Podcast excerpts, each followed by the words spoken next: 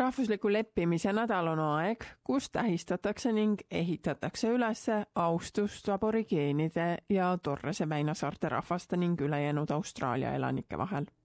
see nädal märgib tähtsaid sündmusi Austraalia põlisrahvaste ajaloos, milleks on tuhande üheksasaja kuuekümne seitsmenda aasta referendum ning tuhande üheksasaja üheksakümne teise aasta maapoo otsus selle aasta rahvusliku leppimise nädala teemaks on Astugem järgmine samm, mis mõnede inimeste jaoks tähendab põhiseaduslikku tunnustamist.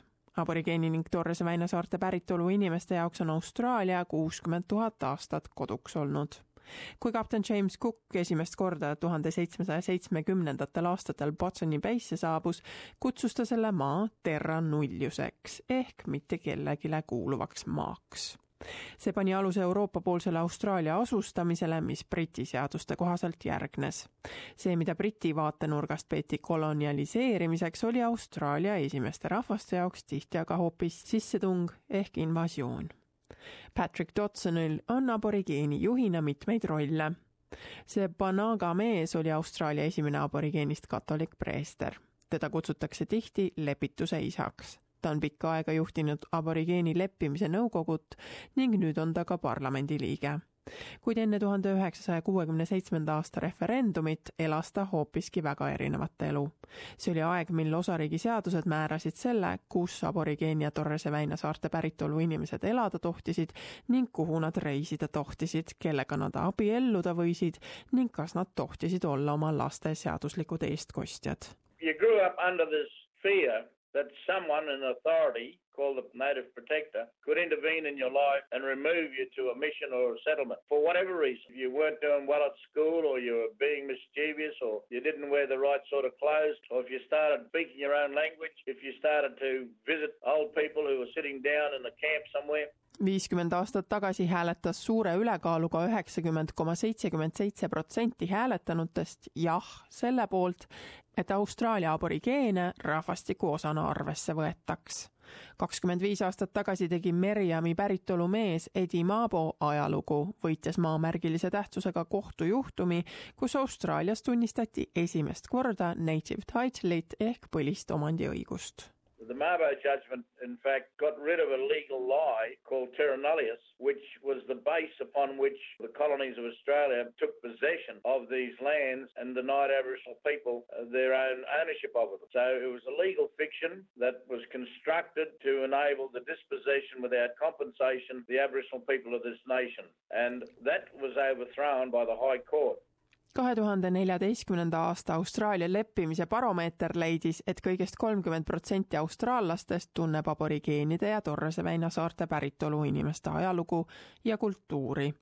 samal ajal pooldab kaheksakümmend kolm protsenti rahvastikust nende õppeainete koolis kohustuslikuks muutmist Didgeridoo muusik Jeremy Donovan on uhke Kukuyalanji mees, kes usub, et palju rohkemat saab ära teha, kui siiani on tehtud selleks, et need haavad, mida on aborigeeni ja Torrese väinasaarte päritolu inimestele kakssada aastat kestnud kolonialiseerimise ajal tekitatud, kokku kasvada saaksid. tema sõnul on siin esimeseks sammuks haridus been able to provide education to other Australians in a very non-confronting way, in a way that basically says that when I talk about the massacres, when I talk about the stolen generation, I don't want you to feel guilty, but I want you to understand that the pain that we carry in our heart is almost too big for us to carry by ourselves, that we need all Australians to stop pretending or to stop fleecing over or to stop using terms like get over it, it happened a long time ago, to actually say, you know what, this burden is part of our history and we need to carry this with our first Australian brothers and sisters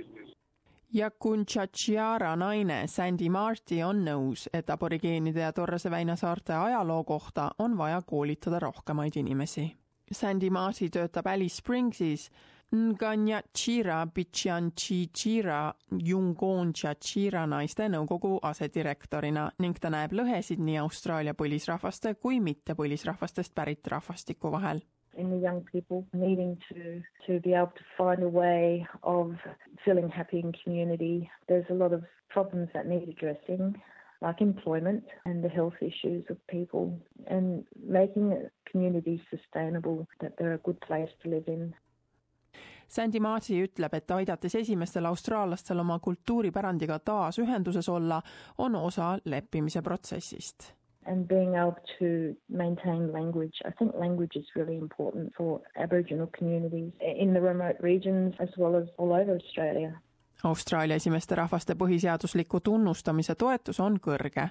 seda mõtet toetavad mõlemad suurparteid ning Roheliste partei.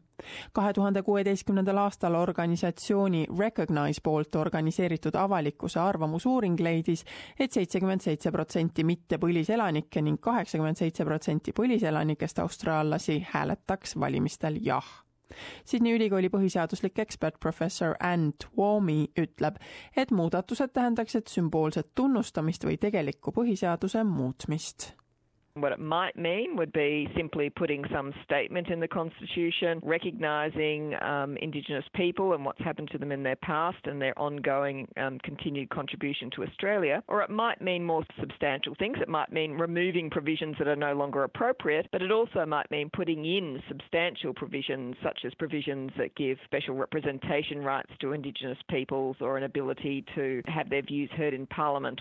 Mitmed osariigid, nende seas Queensland, New South Wales ja Victoria, on oma osariigi põhiseadusi alates kahe tuhande neljandast aastast muutnud selleks, et tunnustada Aborigeeni ja Torrese väina saarte päritolu põlisrahvaid. Jeremy Donovan toetab ka põhiseaduslikku esimeste austraallaste tunnustamist you need to reconcile something when an agreement has been broken. But Australia is invaded. There was never an agreement. So we actually need to create a new agreement where, whereby we really do, as the Australians today, acknowledge the wrongful past, but not let them define what that makes our future, but actually people are embracing our culture as their own. Patrick Dodson ütleb, et me oleme ikka veel kaugel sellest, et lahendatud saaksid suuremad põlisrahvastest ja mittepõlisrahvastest austraallaste vahelised vaidlusküsimused. Reconciliation in terms of the original injustices to Aboriginal people is a long way off, and that's why you have many Aboriginal people today calling for treaties or to be rec- to have their sovereignty recognised or for some form of compensation for the dispossession that's happened. And the governments have got to find some mechanism to deal with that. So we're a long way from a reconciliation of equals. Aborigeeni ja Torrese väina saarte rühmade esindajad üle kogu riigi kogunesid eelmisel nädalal Uluruusse, et välja töötada tunnustamise mudel, mis põhiseadusesse sisse viidaks